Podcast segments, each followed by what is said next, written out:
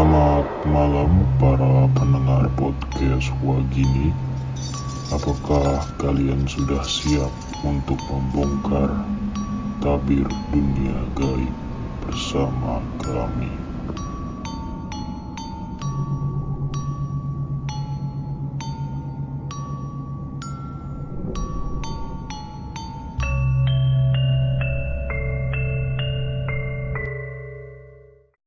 Halo pendengar semua, kembali lagi di podcast Wagini, waktu gabut gini. Di episode ini akan sedikit berbeda dengan episode-episode sebelumnya. Karena ini adalah pertama kalinya podcast Wagini mendatangkan narasumber. Dia bernama Fajrul Hilmi. Bagi sebagian dari host kita, tidak asing dengan nama tersebut karena dia adalah saudara dari salah dua host kita, yaitu Ilham dan Idam. Kang Hilmi akan menceritakan pengalamannya mendaki Gunung Lawu. Penasaran dengan ceritanya? Ini dia cerita dari Kang Hilmi. Nama gua Fajrul Hilmi, status masih berkuliah di salah satu universitas jadi awal mula tuh kita uh, gua dan teman-teman suka muncak nih. Setiap tahun pasti kita punya agenda muncak bareng. Nah di tahun 2020 kebetulan kita ngeagendain muncak itu di tanggal 17 Agustus. Jadi kita rencana pengen apa 17-an di sana gitu di puncak Lawu di Gunung Lawu. Nah, untuk tanggal 15 itu kita kumpul 10 orang. 8 orang cowok, 2 cewek. Karena persiapan di tanggal 15, kita udah ada di tempat di sana. Kita rencana itu dua malam karena kan perjalanan lawu yang udah dapat cerita-cerita di orang-orang kan lumayan lah treknya ya apalagi lewat candi ceto gitu butuh waktu. Terlebih kan teman-teman juga ada yang ngajak yang pemula baru naik. Makanya kita dua hari di sana selama perjalanan tuh. Nah di hari pertama kita prepare siap-siap.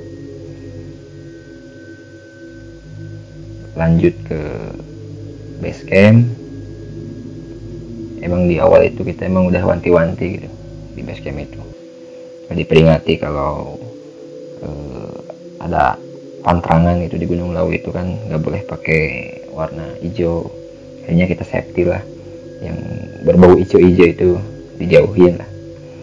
Nah, cuman emang dari awal itu ada jaket temen saya itu ada yang warna hijau cuman nggak dipakai dari awal juga. Oke lah nggak apa-apa gitu. Dari awal kita emang udah nggak ada firasat buruk karena kan dituntut untuk positive thinking lah ya selama perjalanan tuh. Nah, akhirnya kita berangkat sore hujan-hujan nyampe di pos 2 tuh. Di pos 2 tuh kalau nggak salah jam 8 jam 9an lah. Nah sebenarnya di pos 2 itu kita udah diwanti-wanti. Kalau mau ngecamp di pos 1 kalau nggak pos 3 katanya tuh. Kalau di pos 2 agak rawan lah gitu banyak cerita-cerita. Tapi dah tapi ya mau gimana lagi karena kondisi udah nggak memungkinkan untuk lanjut kita juga bawa apa bawa pendaki cewek kan teman cewek. Ya udahlah akhirnya kita ngecamp memutuskan untuk ngecamp di pos 2 ternyata emang ada juga yang ngecamp cuman jaraknya agak jauhan dikit. Keselang beberapa pohon gitu kan. Akhirnya kita ngecamp di pos 2 Nah, cerita-cerita janggal itu bermula dari pos 2 nih. Awalnya tuh ketika saya sama teman saya itu lagi masak. Nah, selama masak itu jam 9 jam 10-an lah. Masak itu untuk makan malam sama e, nyiapin makan buat besoknya gitu. Biar nanti sebelum berangkat tuh bisa diisi dulu stamina-nya kan. Makanya masak malam sambil nunggu masakan teman-teman yang lain tuh pada ada yang tidur ada yang rebahan tapi yang banyaknya tidur sih. Karena kan tadi perjalanan lumayan capek nguras tenaga hujan kan. Nah yang masak tuh bertiga. Ada uh, Om Cimeng saya sama teman saya. Jadi Mip kalau nggak salah Miftah gitu. Selama masak tuh ya biasalah nah di sela-sela lagi masak ada teman saya si Habib namanya tuh. Minta diantar buang air kecil. Kayaknya saya antar lah dengan kondisi tanah hujan kan becek licin juga kan. Yang saya antar agak ke sudut eh, apa pos di situ lah. Sudah kencing beres saya lanjut masak sama masak itu jam 11 itu. Tahu-tahu ada yang ada suara langkah kaki. Sambil bilang punten gitu lah ini kayaknya ada yang ngedaki nih kata teman tapi kayaknya orang Sunda deh. Soalnya bilang punten gitu. Wah kalau orang Sunda ketemu di apa kota lain terus ketemu orang Sunda lagi kan kayak kayak nemu saudara lihatlah keluar tenda. Keluar tenda dilihat. Kok nggak ada siapa-siapa ya? Perusahaan tadi deket banget gitu sih jalannya tuh. Terus bilangnya juga kenceng kan punten kali akhirnya saya terus masuk lagi tenda. Terus bilang ke teman tadi yang lewat terus yang bilang punten gak ada katanya. Terus ya temen tuh udah ngingetin si Mip tuh udahlah oh, mungkin cuma oh yang tenda jauh kayaknya. Yang punten mungkin ya. Ya kalau kan kalau lagi di gunung itu kan kudu kudu apa kudu positif lah positif thinking gitu. Apalagi kan antrangannya kalau dapat cerita-cerita atau lihat apa lihat apa dengar apa kan nggak boleh ceritain langsung. Hanya dipendam aja. Singkat cerita pagi-pagi beres. Lagi beres-beres makan lihat tempat yang malam apa temen si Habib itu buang, buang air kecil tuh. Pas dilihat ternyata buang air kecil ada kesajen nah ngeh dari situ teh. Bilang lah si Mip Mip kayaknya yang bilang punten itu gara-gara si Habib buang air kecil deket sajen wah kayaknya mah dari situ gitu. Nah itu cerita di malam pertama gitu. Akhirnya cerita itu dipendam. Dipendam selama perjalanan apa muncak sebelum 17 Agustus itu kan dipendam dulu kan. Pas dari situ kita lanjut. Trekking lagi ke pos sampai pos 4 ke sore. Karena emang perjalanan lumayan kita nyantai kan pos 4 kita putusin buat camp lagi gitu. Nanti biar di pos 4 biar bisa summit gitu. Subuh-subuh ke puncak lawu gitu. Lagi kan ada warung bojem gitu. Nah, niatnya tuh pagi-pagi tuh gitu gitu. Hanya ngecamp di pos 4 nah ada cerita lagi selama uh, malam kedua di pos 4 sekitar jam 9 9 malam si Mip ini kayak bilang ke gua tuh bilang lu denger suara gamelan nggak? Gamelan? Ah, gak ada katanya selang beberapa si Mip cerita gitu bilang gitu. Saya dengar suara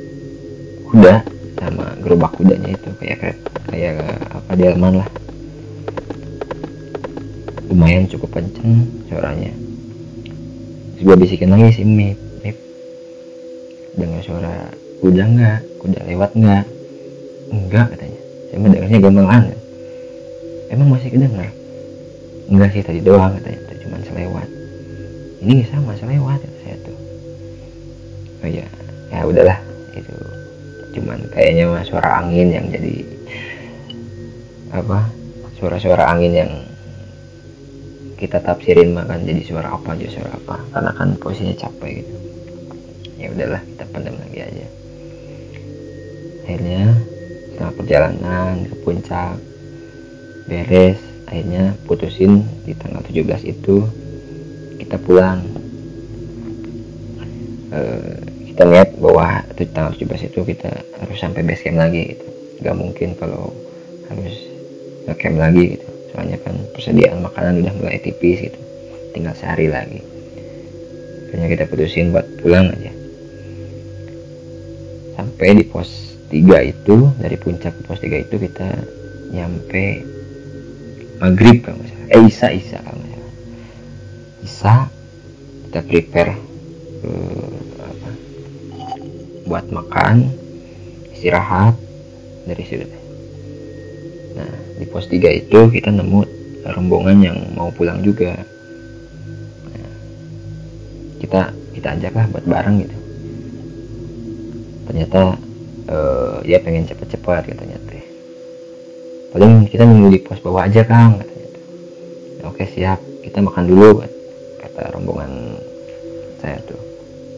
Akhirnya kita makan, prepare, beres-beres. Selama perjalanan dari puncak ke pos 3 yang sebelumnya itu turun yang pas turun. Kita emang setel lagu itu lagu-lagu jaipongan Sunda kayak gitu. Terus kan sambil relaxin badan sambil joget-joget dikit. Cuman emang jogetan saya itu agak-agak nyinden gitulah jogetnya lama perjalanan dari turun pos eh dari puncak ke pos 3 itu. Nah, lanjut jam 8 Isa itu dari pos 3 ke pos 2 itu udah mulai geram nih teman-teman tuh. Soalnya selama perjalanan teh lumayan memakan waktu lama gitu. Yang biasanya dari kalau muncak itu dari pos 2 ke pos 3 itu cuman dua jam sejam setengah gitu kita turun malah lebih dari dua jam tiga jam. Malah selama perjalanan tuh saya nemu pohon yang sama. Terus pas kali ketemu saya tandain pohonnya karena pohonnya agak gede gitu. Terus yang bisa di akarnya juga kan gede saya tandain sih. Soalnya si tekstur tanahnya itu pas kelewatan pohon itu teh agak kayak tangga. Terus kita juga kalau mau turun tuh agak harus jongkok dulu gitu. Soalnya kan beban bawa beban juga kan tas. Jadi kudu agak ngerangkak dulu gitu deh. nah selama perjalanan dari pos 3 ke pos 2 itu terus nemu sampai ada ketiga kali dengan cakra yang sama tanda yang sama. Terus saya ngodoin ke teman si Habib depan saya saya kebetulan paling belakang.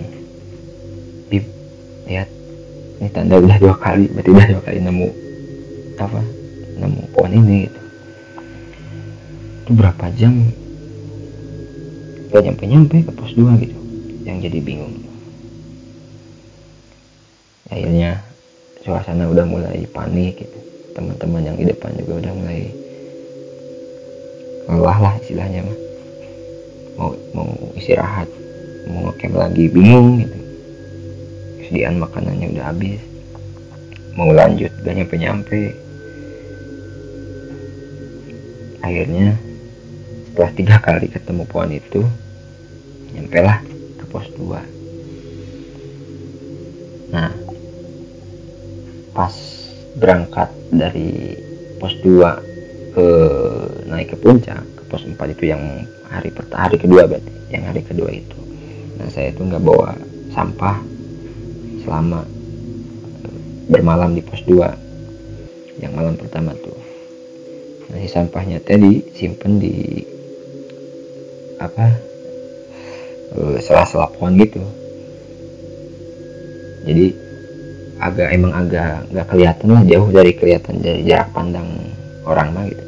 Soalnya kan takutnya ada ini kenapa nggak dibawa? Ini kenapa? Kok disimpan sini? gitu. Makanya diumpetinnya itu agak di semak-semak itu. Jadi di antara dua pohon di situ ada emang ada semak-semaknya. Nah di sekitaran situ lah. Jadi kalau mau nanti nyimpen si sampahnya teh harus agak kita harus agak jongkok dulu. Terus setengah badan agak ngerangkak baru disimpan. Nah pas nyampe pos 2 pulang kita inget teman ada yang ingetin si om Cimeng tuh. Ini eh, coba sampah yang pas waktu malam pertama coba ambil ya. Sekalian kita buang sekalian kita ambil katanya itu biar dibawa ke base camp. Oke siap. Akhirnya itu nyampe pos 2 itu jam berapa berarti? Jam 11 setengah 12an lah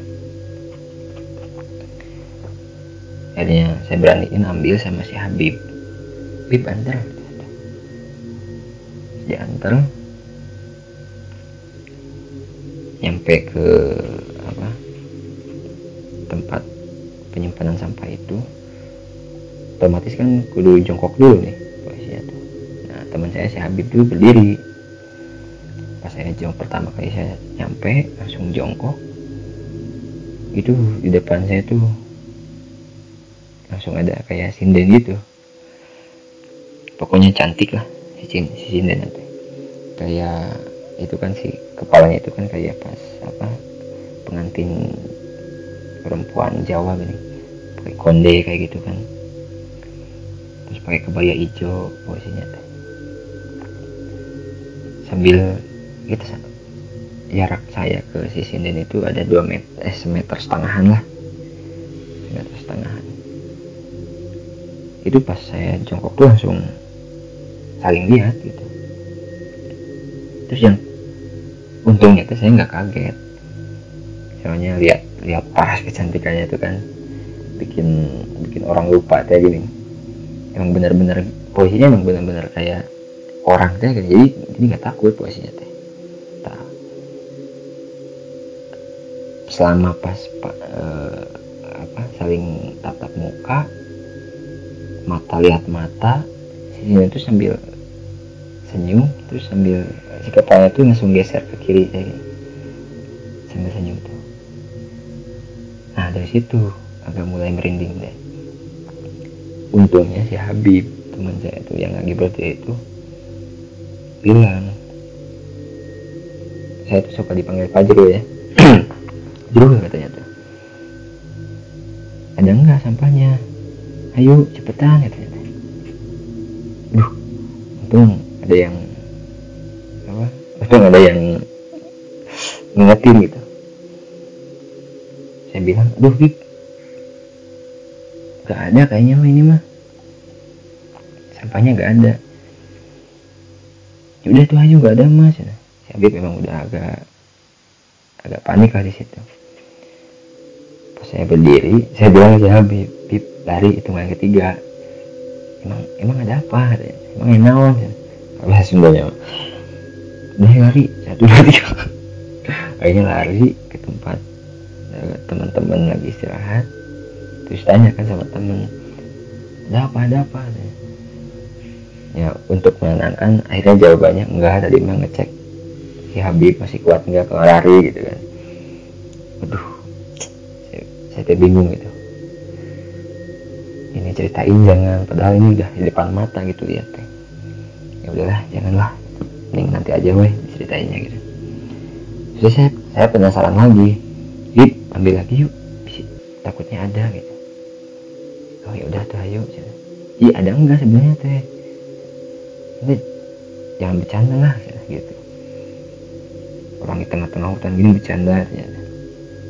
ayo kita ambil lagi yuk lihat lagi takutnya nggak kelihatan gitu. Kehalang kehalang sama sama sama. Hanya kesal lagi.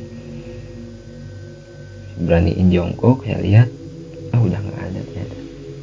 Dan satu ingat takutnya pas saya agak ngedongkak sedikit agak ngedongkak kan si tengah badan teh. Terus tangan saya masuk ke situ takutnya takut ke bawah takut apa gak overthinking lah nah, ya udahlah mending emang nggak ada sih sampahnya emang nggak ada posisinya teh. Ya udahlah. Lanjut aja. Eh menyakit nggak ada bib sampahnya. Ya udah weh. Akhirnya kita prepare.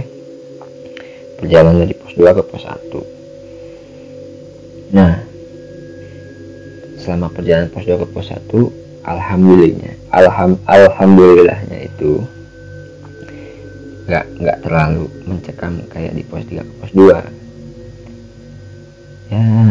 tenaga dihemat-hemat perjalanan di santai-santai gitu kan. Akhirnya nyampe pos 1 nah dari pos 1 ke base camp nah di pos 1 itu udah mulai ada kebun-kebun warga lah gitu. Itu posisi jam satu lebihan lah. Satu lebih setengah duaan lah. Posisinya tuh. Dari pos 1 ke eh, ke base camp itu selama perjalanan saya kan pakai headset. Terus paling belakang kan. Nah, tahu-tahu ada yang manggil mi katanya kan Hilmi mi sedangkan teman-teman itu biasa manggil tuh Fajrul. Bukan Hilmi kalau nggak Fajrul itu cumcam lah. Oke kata dibuka headset langsung gue nyanggup wih paling belakang kan? Terus yang paling depan sampai yang tengah itu pada balik ke belakang. Terus bilang ada apa jeruk katanya oh enggak. Gak ada nggak ada. Pesan tadi yang manggil gitu ya dalam hati itu. Oh berarti teman-teman gak manggil. Akhirnya singkat cerita kita udah ketemu agak ada bangunan-bangunan warga. Tapi masih kebun lah. Kebun warga ya. nah di kebun nyampe di satu tempat ada tempat istirahat. Kayak warga gitu ya. Ada kursi dari bambu tempat duduk doang sih. Nah teman saya bilang ke teman-teman yang di depan tuh sok duluan aja gue mau istirahat dulu di sini gue mau istirahat dulu di sini. Sok duluan teman-teman ke base camp. Kan emang udah deket juga kan udah ada lampu gitu. Lampu lumayan agak nyorot kan. Jadi nggak terlalu nggak terlalu apa mencekam lah suasananya. Karena udah kelihatan lampu-lampu rumah warga. Akhirnya beres. Teman-teman ke bawah gue masih di situ duduk sebelum duduk itu, dari jauh tuh udah kelihatan ada kayak kakek, kakek atau uyut sebenarnya tuh ya. kakek lah. Dulu dulu pas kejadian itu, yang kayaknya itu kakek, kakek saya. Dari jauh tuh, terus pas deket-deketin, wah ini bener ini kak, pesan kok kakek udah meninggal gitu. Tapi kok kok ada di sini gitu jauh-jauh akhirnya saya duduk di situ teh karena ada si kakek. Akhirnya saya duduk di situ si kakek pakai pakaian apa pangsit teh pangsit Sunda gitu yang hitam-hitam terus pakai ikat kan. Nah selama saya duduk di situ si saya nggak berani buat si muka tuh ngadep depan gitu pasti nunduk gitu. Ya kali-kali ngadep depan kali-kali nunduk gitu terus kan kelihatan nih si ujung ujung mata ini si kelopak mata ini yang di ujungnya itu kan kelihatan ya. Sisi kita itu ada siapa gitu. Terus saya duduk nunduk agak jengah lagi ke depan lagi si mukanya. Nah kelihatan dari situ teh. Ada yang berdiri. Si kakek kakek berdiri si aki ini nih. Si aki ini berdiri ngebelakangin saya tapi ngedepanin di situ teh ada sekumpulan kayak apa ya prajurit zaman dulu. Ada beberapa prajurit. Terus ada si sinden yang tadi lihat di pos 2 pas mau ngambil sampah. Di posisinya ada empat prajurit terus tengahnya itu sinden terus ada cowoknya cowok Jawa gitu. Terus yang paling belakang ada kayak buta kayak gitu gede banget. Yang kelihatan dari ujung mata gitu ya. Gak berani lihat langsung mah gitu. terus saya ngedengerin obrolan si Aki ini si kakek sama si apa konco-konco kayak penunggu lagu gitu lah. Kurang lebihnya mah gitu yang kelihatannya mah. Terus teh ngobrol Sunda sama Jawa kok nyambung gitu. Ya intinya mah yang ketangkep mah obrolannya itu. Jadi si perkumpulan yang Jawa ini gitu yang, yang penunggu ini minta tiga orang dari rombongan rombongan gua tuh. Yang tadi katanya ketemu sinden terus ada temen cewek yang pakai jaket hijau. Terus tadi yang joget-joget ya ternyata di pos perjalanan pos apa dari puncak ke pos 3 itu. Terus kata kakek saya tuh bilang ulah sok macam-macam jeng. Ulah sok macam-macam jeng babat Sunda katanya tuh ya, kalau Indonya mah jangan macam-macam sama tanah Sunda udah. Jangan dibawa ini mah apa saudara-saudara saya mah ini bawa aja weh sambil ngasihin apa e, batu ali warna hijau tapi dibungkus sama kain itu. Jadi pas si kainnya dibuka itu ada kelihatan lah si batu hijaunya teh karena itu gitu. Akhirnya dikasihin si batu itu. Gak lama dari situ teh teman-teman ada yang menjemput cerul cerul ayo istirahatnya di base camp aja katanya. Sini dibawain tasnya katanya akhirnya pas ada ngedenger obrolan gitu teh. Seketika yang tadi dilihat di ujung mata teh nggak ada. Nah, dari jauh tuh teman tuh udah manggil-manggil kayak gitu. Cuman si kakek saya itu masih ada.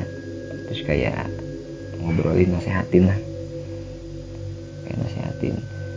So kamu banyakin amal-amal soleh banyakin sholat dan ya sambil nasihat-nasihat baik lah. Ya dibahasnya cuman ya mohon mohon ya. datang teman akhirnya Pak Jul dijemput dibawain tas segala rupa. Akhirnya sampai base camp kita ngobrol-ngobrol tentang kejadian yang dari malam pertama sampai turun. Ternyata dari pos 2 ke pos 3 itu ternyata yang ngeh itu bukan cuma saya gitu tapi teman-teman yang lain pun lihat apa lihat pohon yang sama jalan yang sama dilaluin sampai tiga kali lebih katanya. Ya teman ada yang bilang sampai lima kali yang tiga kali. Kirain cuman perasaan saya doang. Kayaknya pas ngobrol-ngobrol tuh wah banyak lah hal-hal yang ganjal gitu. Yang mengganjal sama perjalanan tuh gitu. Nah ternyata si uh, kenapa malam itu ada yang bilang punten nah, si Habib ini buang air kecil itu deket sesajen di pos 2 gitu. Kayaknya dari situ awalnya tuh gara-garanya itu terus kenapa sinden bisa ketemu sinden?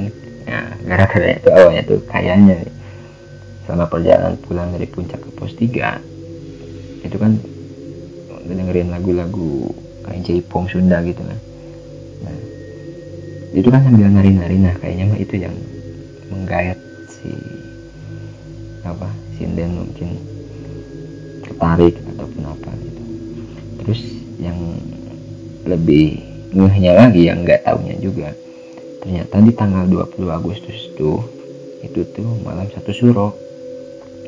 Jadi emang kalau kata penduduk setempat makan seminggu sebelum satu suro itu pasti ramai itu yang jiaro yang ya banyak banyak banyak banyak kepentingan lah orang-orang datang ke satu ke sana di waktu satu suro tuh. Kadang di sebelum satu suronya gitu kan tiga hari sebelum satu suro dua hari empat hari makan seminggu sebelum satu suro pun udah rame gitu. Makanya kenapa setiap pos itu kan ada sajennya gitu karena itu persiapan di malam satu suro. Nah, emang udah biasa kata warga setempat ya. apalagi ngedengar gamelan di pos 4 dekat Sabana itu kan terus ngedengar-dengar ayat kereta. Karena emang lagi pada namu gitu. Nggak hanya manusia katanya. Di apa makhluk lain pun kalau sebelum satu suruh atau di satu suruhnya pun itu bakal kayak gitu katanya makanya udah gak aneh warga setempat tuh. Nah ya lumayan lah sering-sering cerita kayak gitu. Itu yang yang paling yang paling gak ngerti itu kok ada kakek gitu yang ke sana gitu jemput gitu istilahnya mah. Nah, ini mungkin itu tadi perjalanan cerita selama perjalanan dari Lawu eh, apa dari mulai muncak sampai turun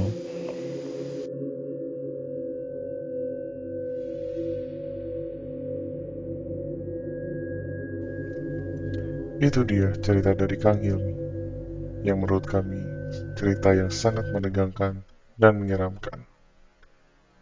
Tetapi, tidak berhenti di situ. Masih ada kelanjutan dari cerita tersebut. Di episode selanjutnya, Kang Hilmi akan menceritakan kejadian setelah mendaki Gunung Lawu dan mencari tahu apakah semua yang dialaminya mempunyai hubungan dengan dirinya dan keluarganya. Sampai jumpa di malam Jumat berikutnya. Dan jangan lupa follow IG kita wagini.podcast dan join Discord kita di link yang ada di bio kita. Sekian dari kami. Salam Wagini.